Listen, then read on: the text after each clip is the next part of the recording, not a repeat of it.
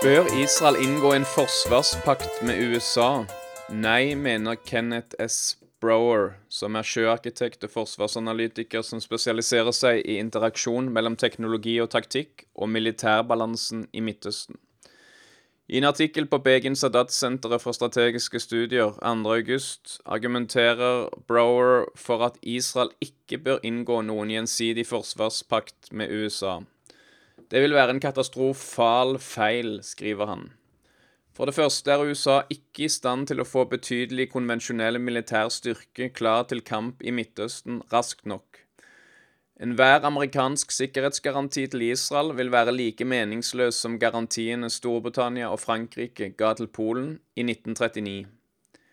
For det andre vil en amerikansk-israelsk forsvarspakt skape politisk press internt i Israel til å redusere forsvaret ikke bare som post i statsbudsjettet, men også kutte ned i verneplikten og i reservetjenesten.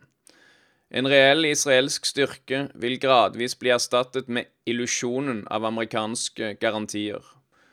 Brower argumenterer for hvor viktig det er at Israel opprettholder vernepliktforsvaret, og også at ultraortodokse og arabiske statsborgere deltar i dette, om ikke i militærtjeneste, så i hvert fall i siviltjeneste.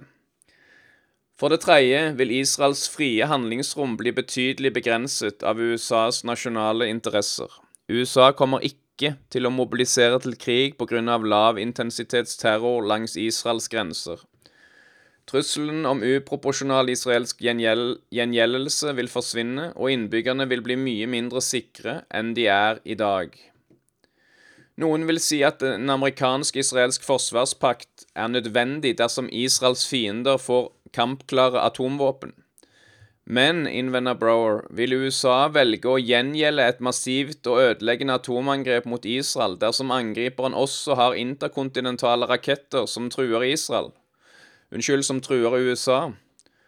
Og vil trusselen om en amerikansk gjengjeldelse skape større avskrekning enn at Israel selv har kapasitet til gjengjeldelse og mye mer sikkert vil bruke den? For Israel er det viktigste av alt å forhindre at atomvåpen blir brukt. Derfor er det så viktig at ingen mulige fiender blir tillatt å kunne bruke masseødeleggelsesvåpen. Bare forhåndsangrep fra Israels side kan sikre dette.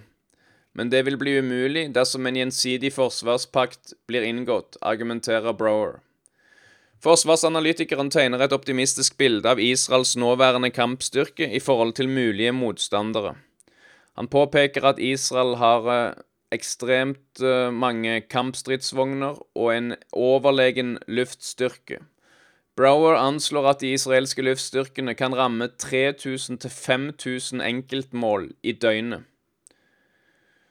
Han peker på Iran og deres allierte som den mest umiddelbare trusselen. Israel kan ikke passivt se på at Irans militære kapasitet utvikler seg til å bli en eksistensiell trussel.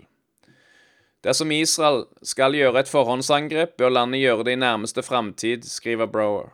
For det første mangler fiendene betydelige langtrekkende presisjonsstyrte våpen.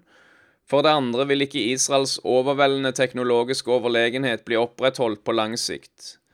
For det tredje er Israel sikret klar politisk støtte fra det nåværende amerikanske lederskapet.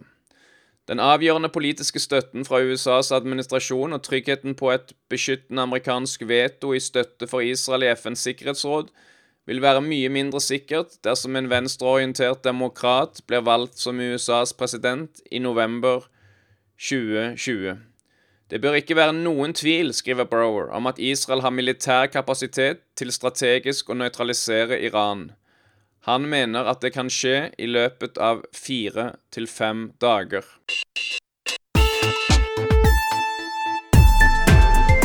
Dette innslaget var laget av Med Israel for fred. Organisasjonen driver Nordens største nettsted om Israel. www.miff.no. Gå til mif.no dersom du vil ha siste nytt fra Israel.